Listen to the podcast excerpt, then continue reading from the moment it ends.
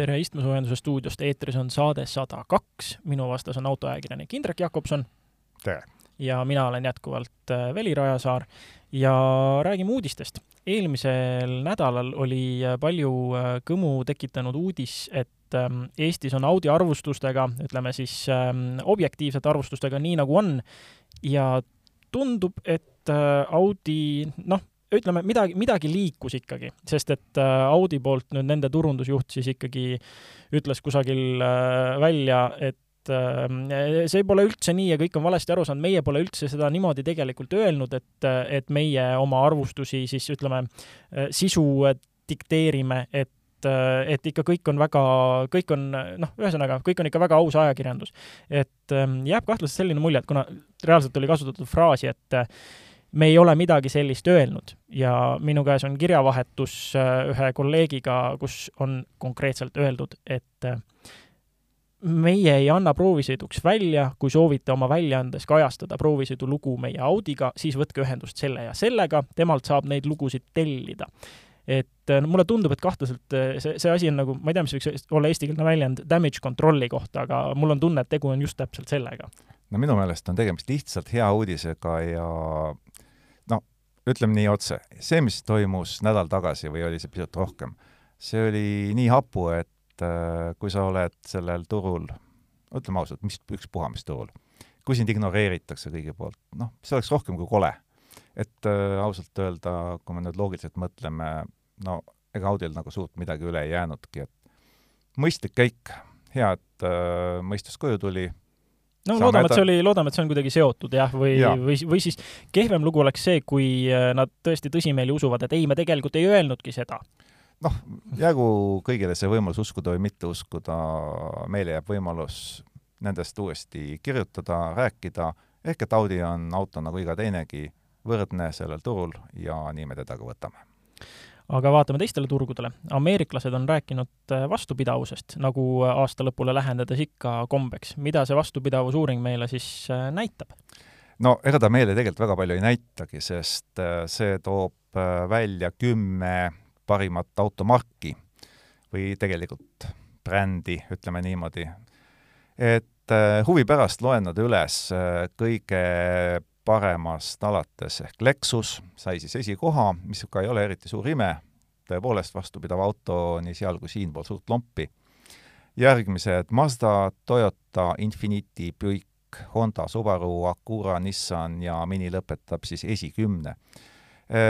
Kümnest kolm on need automargid, mida siis müüakse ainult Ameerikas, Infiniti, ära no, mis on. jah, täpselt, täpselt, Infinity jah, ja aga huvitav, et siin on nii Honda kui Acura koos muidugi jälle. jaa, aga Ameerikas on ju Acura paralleelselt müügis äh, Hondaga väga ilusti, täpselt nii nagu Lexus ja Toyota. kusjuures Acural on, äh, tundub, et mingisugune, noh, ma ei tea, kas nüüd seda identiteedikriisiks päris nimetada saab, aga kui algselt oli Acura ju samamoodi nagu Honda siis niisugune luksus, äh, luksusharu siis mingist hetkest nad muutusid ikkagi väga äratuntavalt pigem ikkagi sportautode haruks ja nüüd siis, kui vaadata uut Acura Integrat, mis välja tuli hiljuti, siis jällegi see on niisugune, et no ütleme, spordist on asi ikkagi suhteliselt, suhteliselt kaugel, et kupee tehti viieukseliseks, mingiks laukpäraks, noh, ühesõnaga kogu sellest pärandist on nagu väga kaugele mindud, et, et selline huvitav bränd, mis vist ei suuda päris hästi veel lõpuni ära otsustada, mis nad siis endast kujutavad.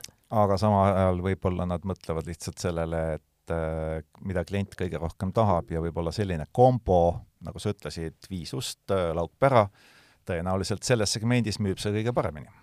võimalik aga jah, see oli niisugune huvitav, huvitav asi, et esmakordselt turbomootor, noh, ütleme, see on jällegi vana hea näide sellest, kuidas fännid üürgavad, mis pühaduse teotus see on, aga kui paljud neist päriselt oleksid seda ostnud ka siis, kui see oleks tulnud, kui Integra oleks tulnud vanale eelkäijale truuna ja kindlasti oleks, aga lihtsalt äh, arvestades seda, kui väike on turg sellistele autodele ja suured tegijad niikuinii nopivad eest äh, jõukamaid kliente ära, siis äh, jah, neid kliente on, aga neid on vähe ja tõenäoliselt lihtsalt viieukselisele jagub rohkem ostjaid.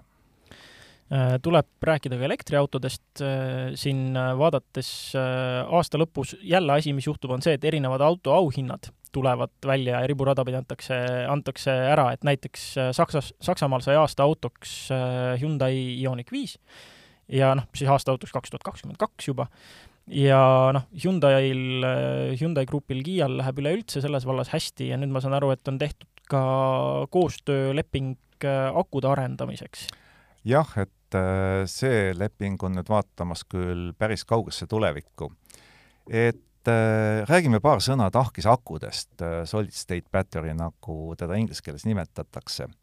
et hästi lühike ja populaarne sissejuhatus, need akud, mis praegusel hetkel elektriautodele särtsu annavad, kõrgepingeakud on nende kohta korrektne öelda Nende anoodi ja katoodi vahel on selline poolvedela pasta moodi ollus. igal tootjal on oma retsept, aga ühtemoodi näeb välja ikka. Ja igal juhul sisaldab see ollus liitiumit, mis äh, lisaks sellele, et see on kallis ja üha raskemini saadav, äh, siis see võib teatud tingimustel moodutada selliseid teravaid ogasid, äh, inglise keeles dendriitideks nimetatakse, dendriit on küll eesti keeles üldmõiste igasuguse terava asja kohta, mis niimoodi välja kasvab, et see ei ole liitiumi spetsiifiline. Aga milles on probleem? Need teravikud võivad põhjustada selle elemendi sees lühise.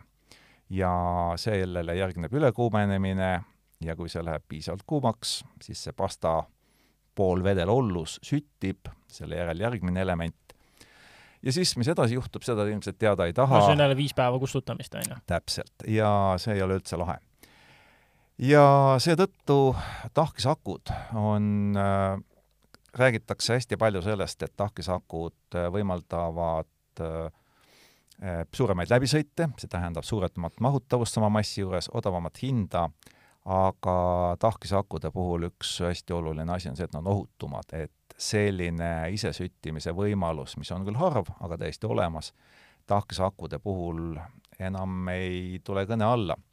Ja eks sellepärast on kõik tõsised autotootjad hakanud ka endale otsima kas partnerit või ise leiutama.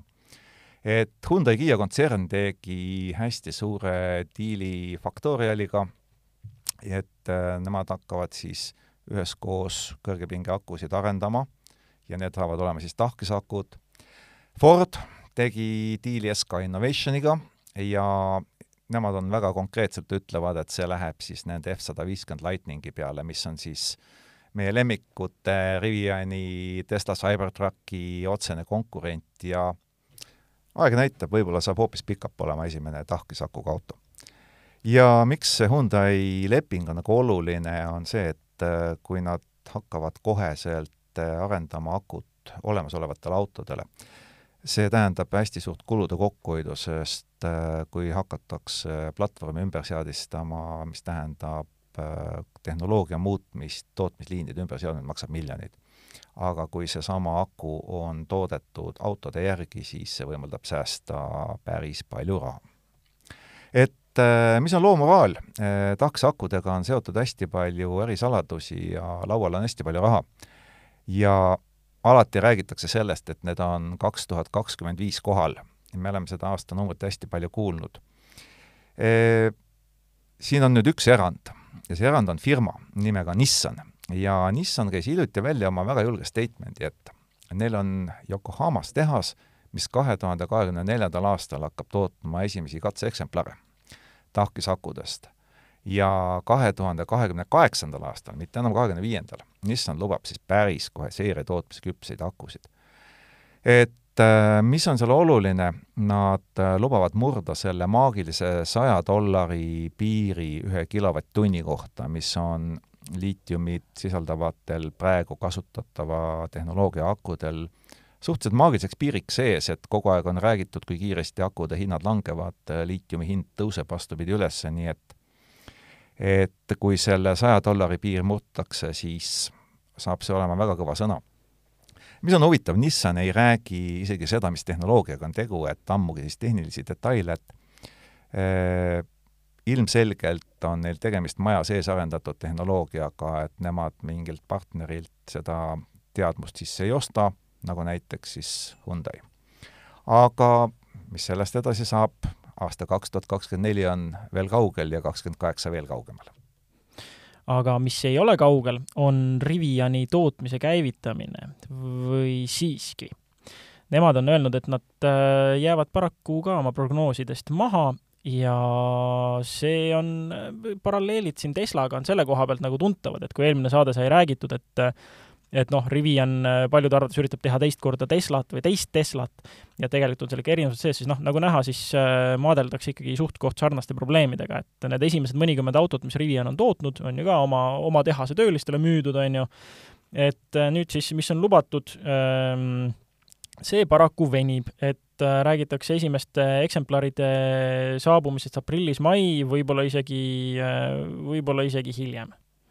Jah, et äh, isegi vaatamata sellele, et akud saavad olema launch editioni versioonis väiksemad kui nende suurte akudega, Max-Back idega, millega on siis Rivian saanud oma kõik suurepärased läbisõidu tulemused aga teistest elektriautotootjatest rääkides, siis Polestariga on seotud selle nädala börsiuudis. jaa, et äh, viis paberit sisse, nagu öeldakse.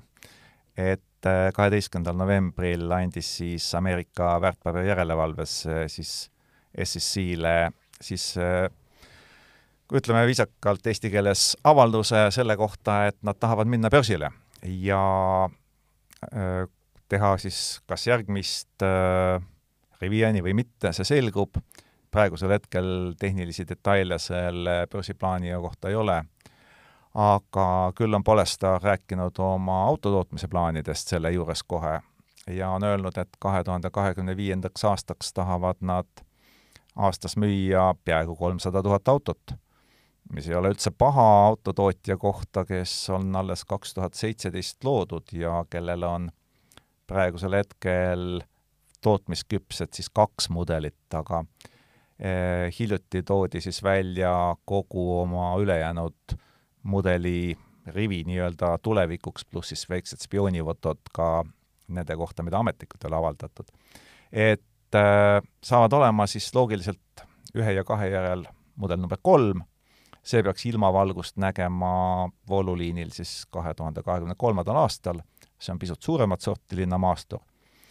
Siis tuleb mudel neli, mis siis mm, peaks minema reseeria tootmisse kaks tuhat kakskümmend neli, see on siis väiksem crossover, ja nüüd on siis nähtud ka esimesi spioonifotosid Polestar viiest.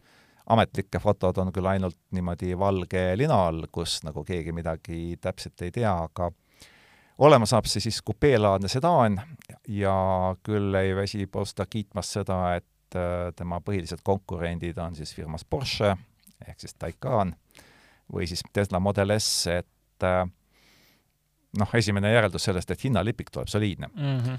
ja noh, praegusel hetkel vaadates nagu ringi sõitvaid, siis on suhteliselt sarnane ideeautoga Perez Sept, mis äh, juba paar aastat tagasi ülitati, aga noh, loomulikult kaamerate asemel on peeglid, proportsioonid on muutunud, tuled on muutunud, ehk siis auto on sarnane, aga saanud selliseks äh, rohkem tavapäraseks. noh, klassikaline idee autost seeriautoni jõudmine, on ju. jaa, ja mis on huvitav, seda autot töötatakse välja, ehk kogu inseneritöö käib hoopis vanal ajal Inglismaal, Yorkshire'i rahvkonnas.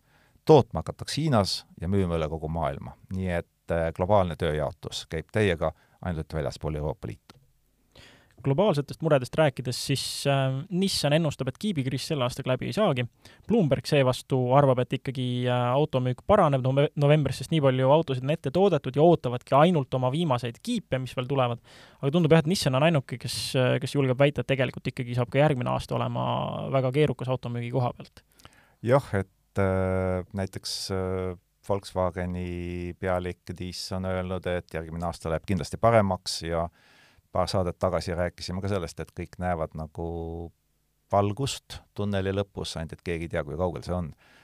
no järgmise aastani on vähe aega jäänud, nii et äh, eks siis paistab. aga kui lähiminevikku vaadata, ehk eelmises saates rääkisime eelmise kuu Euroopa automüügi top kümne ära, nüüd lihtsalt paar sõna selle kohta, et kuidas siis turul üldiselt läks. no pilt oli väga kole, et kogu Euroopa automüük kukkus oktoobris kakskümmend üheksa protsenti. et see oli siis meie nädala number. aga kui firmade kaupa võtta, siis kõige rohkem äh, müüs autosid Stellantis, ja tema langus oli ainult kolmkümmend kaks protsenti ja Volkswagen oli teisel kohal, kelle automüük kukkus siis nelikümmend kaks protsenti. ehk äh, naljaga pooleks võib öelda, et automüügis võidab see, kelle müük kõige vähem väheneb. ja, ja eks äh, ülejäänud äh, Volkswageni grupi margid said väga kõvasti pihta peale Porsche. ja Volkswagen on ise ka seda ametlikult välja öelnud, et kui on defitsiit kiipide osas, siis need brändid, mis on kõige kasumlikumad, nendele antakse kiipe ja need brändid, mis on vähem kasulikumad, need ootavad siis äh, õues vihma käes, kuni ühel hetkel kiipe piisavalt olema saab. noh, see ei ole suur saladus, et Porsche on äh, no ma ei tea, kas nüüd enam on kõige suurema kasumimarginaaliga tootja, aga ikkagi üks suurema kasumimarginaaliga tootjaid maailmas, et see on selge see, et nemad, neile jagub see on natukene sama, kui Rolls-Royce ütles, et mis kiibikriis, et me ei ole midagi sellisest kuulnud aga eelmine saade me luga-, lubasime Volkswagen AG-st üldsegi pikemalt rääkida, et küll oli siin sahinai TS-i tagasiastumisest, õigemini isegi tagandamisest, küll oli siin kõik nende mm, kasumiaruanne või kahjumiaruanne, kuidas seda siis võtta, et äh, võtamegi äkki selle pikemalt ette.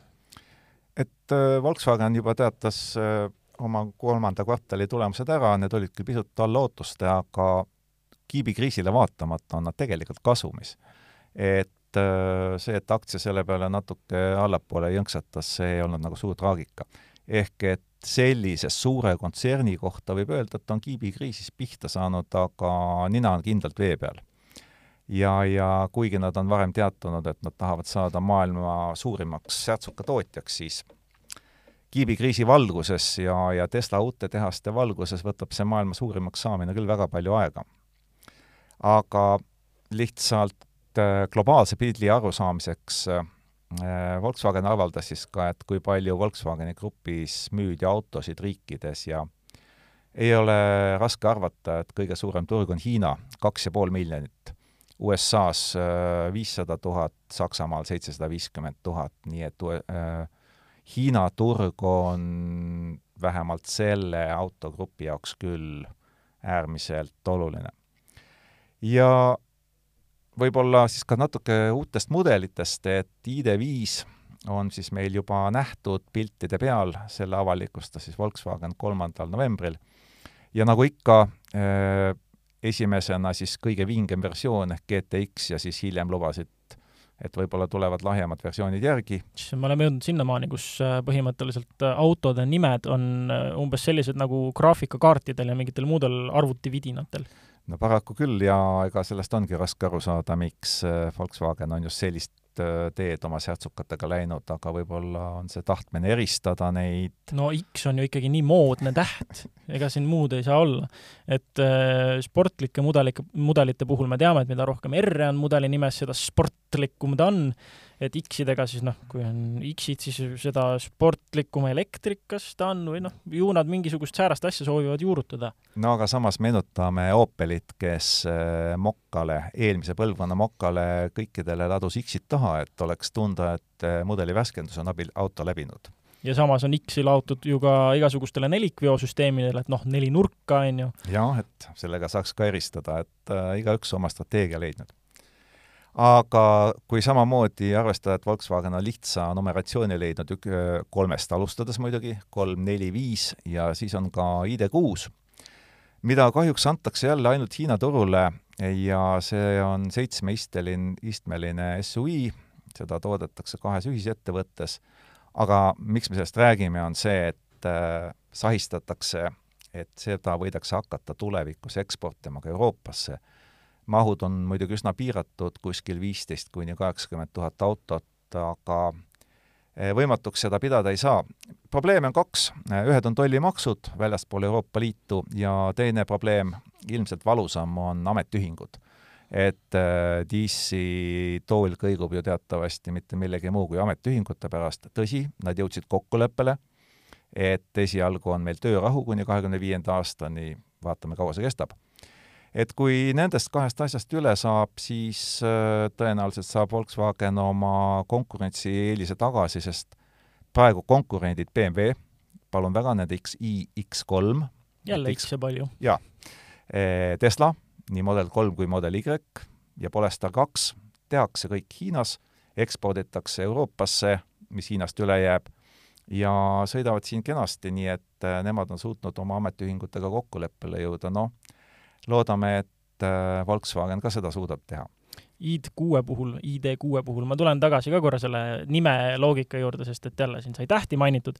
Äh, need kaks ühisettevõtet, mis toodavad äh, ID6-e, teevad seda ka nii, et ühel tuleb ID6 taha X ja teisel tuleb midagi, mis vist üritas olla väga noortepärane, aga kukkus välja nagu ikka, kahe Z-iga et äh, kas see on mingisugune uus, uus trend, et äh, tõesti topime igasuguseid X, Y, Z tähti igale poole, sest see tundub, aga mis tähestik on otsa saanud põhimõtteliselt pärast seda ja mis meil edasi tuleb?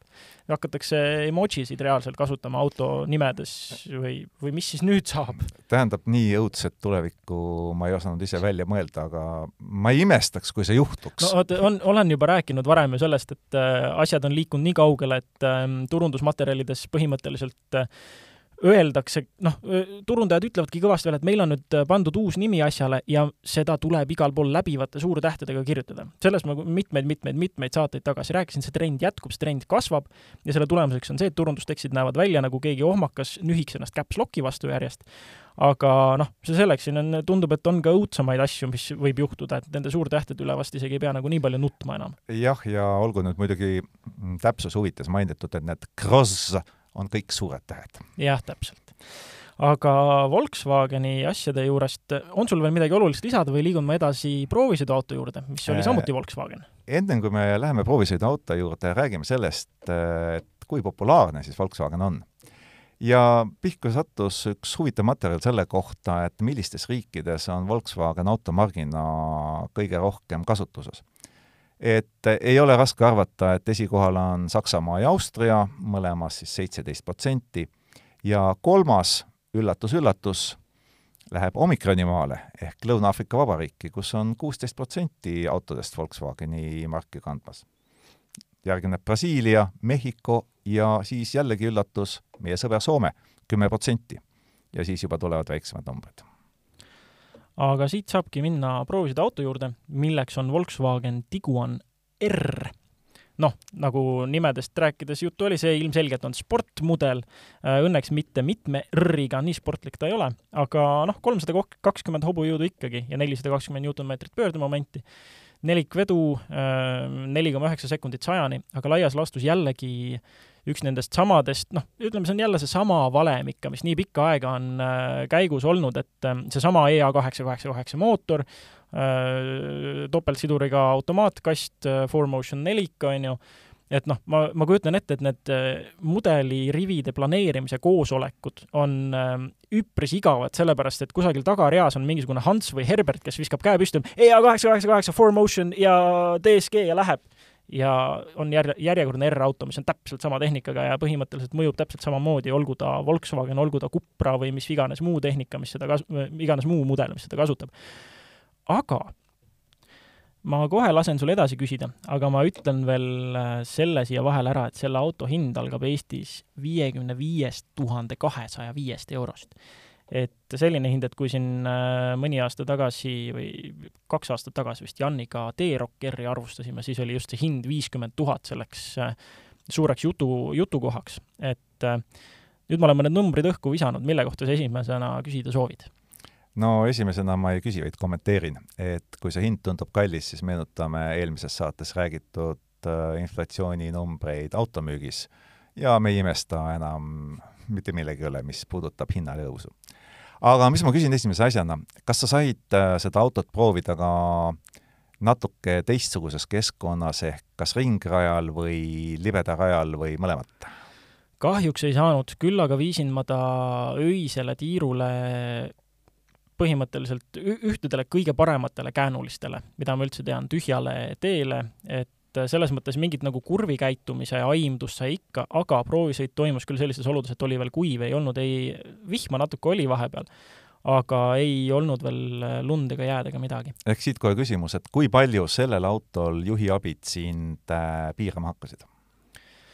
ütleme, tagatelje puhul oli kogu aeg ikkagi niisugune tunne, et noh, see on jälle, see on seesama esiveopõhine nelik, et no ikka. ta, ta täpselt noh, enamus ajast, kui seda ka sõidad, ta ikkagi, ta käitub nagu esiveoline, ma sain temaga reaalselt ainult korra saba välja ja see oli väga plaanitud saba väljaviskamine, vihm oli äh, maa ilusti märjaks teinud ja ka siis see oli selline noh, ta, ta, ta oli, ütleme, ta oli nagu niisugune niisugune tunne, et auto korra moe pärast otsustas, et okei okay,, ma annan sinna tahateljele ka, kui ikka gaas on nii kõvasti põhja vajutatud ja rool, rooliga on nii kõvasti korra visatud, et ju ta siis ikka korra tahab seda jõuda sinna tahateljele ka. ja siis ta korra lubas väikse libisemise teha, aga rohkem mitte piuksugi.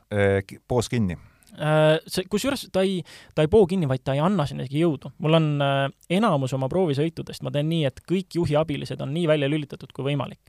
et noh, seda, et ta juhiabid sisse lülitatult kinni pooma hakkab, see on nagu niikuinii teema. aga, aga juba ongi see, et ta isegi ei anna sul tagateljele jõudu, ta annab täpselt, ta mõõdab väga täpselt välja, kui palju ta taharatastele jõudu anda saab ja kummale neist, et ta suruks sind natuke edasi, aga pidamist ei kaotaks, et äh, ma väga lootsin, noh, ma võtsin selle proovisõiduga nii hiliseks ajaks, et ma lootsin tõesti, et selleks ajaks on juba lund ja jääd maas ja ma saan proovida, mida ta nen-, nendes tingimustes teeb, aga tutkit ei õnnestunud.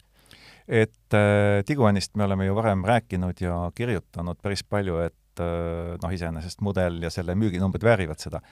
kui sa võrdled nüüd teda tavalise Tiguaniga, no nii-öelda tavalise siis äh, noh, see, millele R-täht puudub, ütleme et kas, kust see suur erinevus tuleb, mis seda hinnavahet õigustab? suur erinevus yeah. tuleb lisaks nimele tuleb sellest, et äh, kusjuures tegelikult ma ütlengi, see on, see on võib-olla siseviimistlusmaterjalid, noh, tehnikast, tehnikast kõrvale jättes, tegelikult fakt on see, kui sa sõidad temaga linna vahel täiesti nagu normaalse autoga kui sa ei ole mingisugune foorist foorini äh, kogu aeg gaas põhjas, siis noh, ega tavatiguanis sa ei oska sellest puudust tunda tegelikult. ta sõidab nagu täiesti tavaline tiguan, heliisolatsioon on sellisel tasemel, et sa ei kuule seal mingisugust hullu mootorinooti ega podinat ega müdinat juurde. Äh, helisüsteem ise on väga okei okay., ei olnud midagi kehva selle kohta öelda mm külgkaldumist on, noh, tõenäoliselt tavatiguaniga võrreldes on külgkaldumist vähem, sellepärast et teda saab siis selle äh, kohanduva vedrustusega, aga muus osas noh, ega need erinevused tulevadki välja siis, kui sa alles pedaali põhja litsud. no aga tavalist tiguani saab ka kohanduva vedrustusega? Noh, siis seda enam. siis ei ole seal nagu igapäevasõidus mingit vahet, et tal on, tal on jälle täpselt seesama, sama ütleme, ma ei saa öelda, et viga küljes, aga kogu oma iseloomu koha pealt ma ikkagi tõmban paralleele sellega, kui ma sõitsin esimese Volkswagen AG sellise kiire linnamaasturiga ja selleks sattus olema Cupra Ateca. ja see oli juba praeguseks vist mingisugune kolm aastat tagasi, kolm Ei. pool. aa, see see oli siis mitte Cupra Ateca, vaid Ateca Cupra versioon pigem, eks ole äh,? või, või siis ta oli veel Seat äh,. kusjuures see oli, see oli juba nii, et tal oli Cupra logo küljes.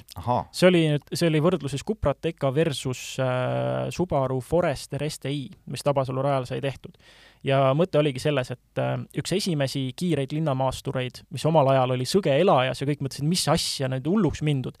ja nüüd on selline asi nagu, selline nähtus tõesti tavaline. ja ma pean ütlema, et äh, selle Cupra Atecat võrreldes ja Tiguan R-i võrreldes ja ka T-Rock R-i seal vahel ja kõiki neid muid mudeleid, mis ma olen juba unustanud, millel on täpselt sama tehnika vahel, ta on ikka, see, ma ei ütleks, et selles sõidutunnetuses, selles elamuses midagi nagu väga muutunud oleks. igapäevasõit on täiesti tavaline, kui sa püsid selles tavalises sõidurežiimis. ta noh, jällegi Cupra Ateca kohta ma kasutasin ka väljendit, et ei vääri küünlaid, selles mõttes just see igapäevasõidu kogemus ja rajale viisin ma ta ka selleks äh, siis noh, Cupratega, et vaadata, et ega ma siis nagu selle hinnangu andmisel nii-öelda ülekohut ei tee, et äkki ta on vaja nagu lahti sõita. ja no rajal oli ka see, et noh, ega ta ei anna tahateljele väga palju jõudu, mingit ülejuhitavust, mingisugust suurt nagu lusti ei ole, aga uskumatult lihtne on kiiresti sõita. ma, see oli mu elu esimene kogemus seal Tabasalu rajal ja no lihtsalt sealt roolis sa võisid teha igasuguseid asju, aga lõppkokkuvõttes oli see, et temaga oli maru lihtne kiiresti sõita. ja täpselt seesama asi on ka Tiguan R-iga ja kui ma viisin tal, noh, oligi, ma, ma isegi, mul oli tegelikult temaga suhteliselt igav tänaval ja lihtsalt niisama sõita. ma ei, ma ei tundnud seal midagi erilist, aga siis, kui ma viisin ta lõpuks öösel sinna käänulistele, siis ma tundsin, et ta lõpuks ärkas ellu. siis, kui ma sain teda natuke suruda ja noh, jällegi muidugi äh, ilmselgelt ma ei kombanud seal, kompinud seal mingisuguseid piire, aga ikkagi see, kui sa kui sa viid ta, noh, sa reaalselt, sa tunnetad lõpuks, mida see šassii teeb. ja noh, ja oligi seal kurvidel, ma ei tundnud enam puudu sellest, okei okay,, mul ei ole mingit ülejuhitavust, et äh, temaga oli lihtsalt see, et ta oli maru kiire läbi nende kurvide ja hoolimata oma massist ja kõrgusest, ta ikkagi, tegelikult oli see täiesti nauditav sõiduelamus. Ja noh, see on jällegi sama asi, mis on kõige sellesama tehnikaga masinatega, et äh, ongi, kui sa teda pigistad, siis ta ikkagi annab selle sulle, aga sinna juurde alati jääb selline maik, et ta ei anna sulle kõike. kontroll on ikkagi auto käes, isegi kui sul on abilised välja lülitatud, ja selle koha pealt nagu ta, ta jällegi on üks neist autodest, et kui sa oled peast natuke katki, ehk siis sõidupurist, siis ta ei paku sulle, siis ta ei paku sulle nagu kõike, mis sa tahaksid. sa ei tunne, et mina ise tegin seda.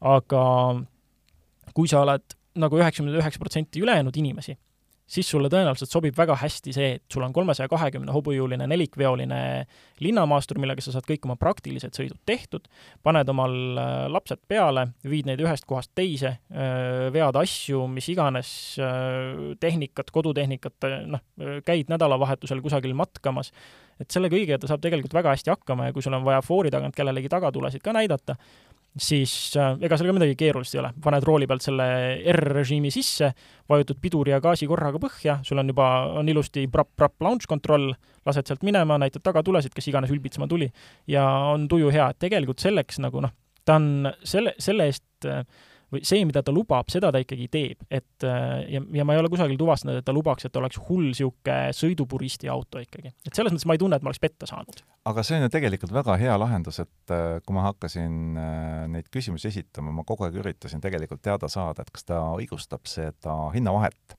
no see hinnavahe on kahanenud praegusel hetkel, ma kujutan ette, sama varustustaseme äh, ja pisut korralikuma mootori neliku automaatkasti puhul no vast kümne tuhande kanti suurtes piirides, võib-olla viisteist äärmisel juhul. aga kui nüüd mõelda just nimelt sellises võtmes, et ta ju tegelikult katab kõik su vajadused ära mm, -hmm. neid vajadusi kattev auto ei ole sellest väga palju odavam ja samas annab ta juurde sulle natukene täpselt seda sotsiaalselt aktsepteeritud faktorit, et et noh, sa võid ju foori taga kiirendada ja sa ta-, saad tagatulesid näidata, sa teed seda kõike väga turvaliselt, sa teed seda tavaliikluses ja samal ajal on sul hea tuju ka. et selles võtmes äh, vaadates ei olegi üldse mitte paha mõte. jah, sellega ma pean nõus olema, et ongi need need minu selline kriitika sellele sõiduelamusele, noh, ongi pigem tugineb sellel, et ei ole tulnud seda mingit eristatavust veel teiste masinatega, millel on sarnane tehnika, et noh, Cupra puhul ma nagu tajusin seda, no ja nüüd viimati just Cupra Formentori puhul, ma tajusin seda, et kuivõrd see on nagu Volkswagen AG selline, ütleme, noh, ikkagi tunne on, et Cupra puhul on mingeid asju elektrooniliselt natukene nii-öelda paigast nuditud, et ta ei astuks seal R-ide kandadele. et kellelgi oleks ikkagi põhjust neid R-e võtta eh, ja endale osta et siis, siis selle auto puhul ongi see, et noh, ta ongi, seda, seda ei pea kartma, et tal on seal mingisuguseid funktsionaalsuseid kinni keeratud või mingisuguseid väikseid putukaid sisse kirjutatud, et sa ei tunneks, et sa, et sa ei saaks tunda, et no see ei ole päris see. et ähm, aga temaga on ikkagi see, et tal ei ole loodud seda eristuvust kõigist nendest teistest R-autodest ja sama tehnikaga masinatest, see on see minu peamine kriitika võib-olla, et milline siis sealt võtta, et ikkagi noh, tõesti ongi see, et kui see taandub kõik ikkagi sellele, et kui sul noh, see auto sobib siis, kui sul ongi vaja linnamaasturit, kui sa tunned, et mul just ongi vaja linnamaasturit, siis ma ei võta seda Golf R-i, vaid ma võtan selle või ma võtan T-Roc R-i, aga muud nagu argumentatsiooni seal taga põhimõtteliselt ei olegi, et miks peaks just selle võtma mõne teise R-i asemel. aga ei olegi, sellepärast et äh, selle jaoks on äh, ammu välja mõeldud moodulplatvorm, mille peale nad kõik on ehitatud ja noh, me oleme sellest rääkinud siin saadetes korduvalt ja me ei väsi kordamast, et platvorm on tegelikult see, mis auto määrab ja kereplekke võid ümber lüüa, missuguseid parasjagu meeldib, et see olemust väga palju ei muuda. noh, pisiasjad, elektroonikat on Volkswagen Grupp tõestanud juba ammu, et ta oskab väga hästi, kuidas nüüd öelda, mitte ainult programmeerida, vaid mõnikord ka lausa sättida nii, nagu pole vaja ja siis vahele jääda, seda väga hästi ei ole sätitud. aga see selleks on üks teine teema. et äh, sa saadki tegelikult väga suure valikuvõimaluse ja see valikuvõimalus tähendabki seda, et sul on väga mitu brändi, sa saad natuke sportlikuma, natuke mittesportlikuma, aga need kõik on suures plaanis, tegelikult annavad sulle selle keskmisele tarbijale suunatud öö, emotsiooni pluss keskmisele tarbija vajaduste rahuldamise ja see tagabki maailma peaaegu suurima autotootja tiitli, nii lihtne see ongi. täpselt. et laias laastus ka ma ütlen veel kokkuvõtva lause, et äh, ta teeb seda, mida ta lubab, jah, hind tundub esialgu võib-olla kõrge, aga üheksakümne üheksale protsendile inimestest see auto ikkagi sobib väga hästi, katab põhivajadused ja kui sa otsustad teda lusti pärast kord või paar aastas ka rajale viia, siis ega ta end seal ka tõenäoliselt väga võõrana ei tunne, temaga on lihtne seal sõita, et ähm, selle koha pealt äh, ei ole tegelikult üldse mitte halb auto. kas Audrus sõidad poolteist minutit ära?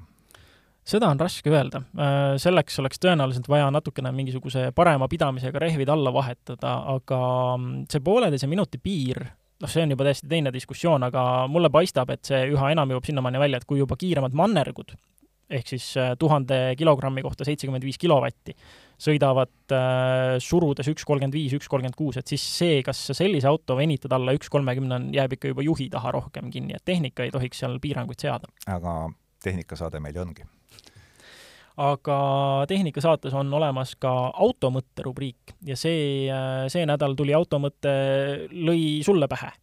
jaa, see automõte lõi mulle pähe täna hommikul tööle sõites, et äh, kui sa sõidad äh, Tallinna linnas või Tartu linnas või ka Pärnus äh, sellisel teel, kus on, ma pean silmas asulateid, kus on ühes suunas liikumiseks rohkem kui üks sõidurada. ja kui autosid on natuke rohkem kui tavapäraselt ehk hommikuse või õhtuse tipptunni ajal, siis äh, palun ole inimene, ära trügi kogu aeg kõrvalritta vahele, kui sa arvad, et sa võidad sealt pool sekundit järgmise foorini. et äh, sa tegelikult ei võida ja selleks on täpselt kolm põhjust. esimene on see ja tegelikult kõige tähtsam põhjus, mille peale tavaliselt ei tulda, on see, et äh, iga kord, kui sa vahetad äh, sõidurada, sa muudad sellega liikluse sujuvust. ehk äh, üha enam hakkab meil olema autodes adaptiivseid püsikiirushoidjaid, kui palju neid nendest rääkisime paar saadet tagasi.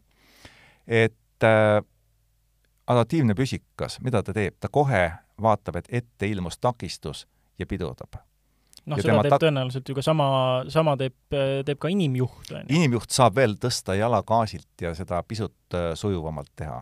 aga tehnika teeb seda väga kiirelt ja tema arvab kohe, et ilmus takistus. Mida see tähendab? see tähendab, et liiklus hakkab muutuma nõksutamiseks ehk vähem sujuvaks. kiire kohalejõudmise võti linnaliikluses ei ole suur maksimumkiirus, vaid sujuvus. ehk et äh, sa arvasid, et äh, sa vahetasid rida, nägid kuskil mingit taskut, ehk see rida läheb kiiremini, tulemuseks on see, et tegelikult kogu liiklus äh, jõuab natukene hiljem kohale. no sa ise kaasa arvatud äh, kusjuures see, see on, mulle tundub niisugune asi, mida see ei, noh, ütleme, mida sa ise seal äh, sõeludes ei pruugigi niimoodi tunda, ja noh, ja lõppkokkuvõttes ongi see, et äh, egoisti see ei huvitagi, mis ta selja taga lõpuks nagu juhtub siis sellepärast. et noh äh,, räägime näiteks riikidest, kus on päriselt liiklusummikud, kes nagu naeravad nende Eesti äh, ummikute peale. riikidest, kus sa võid äh, pool tundi seista ühe koha peal paigal ja noh, näiteks Ameerikas on ju see, et maanteedel keegi äh, läheb liiklusraevu, noh, ka mingi trügimine toimub, keegi teeb teisele break check'i, pidurdab lihtsalt korra tema ees, mis põhjustab veel tugevama pidurduse tagapool ja see põhjustab juba mõned kilomeetrid äh, tagapool reaalselt äh, liiklusseisaku.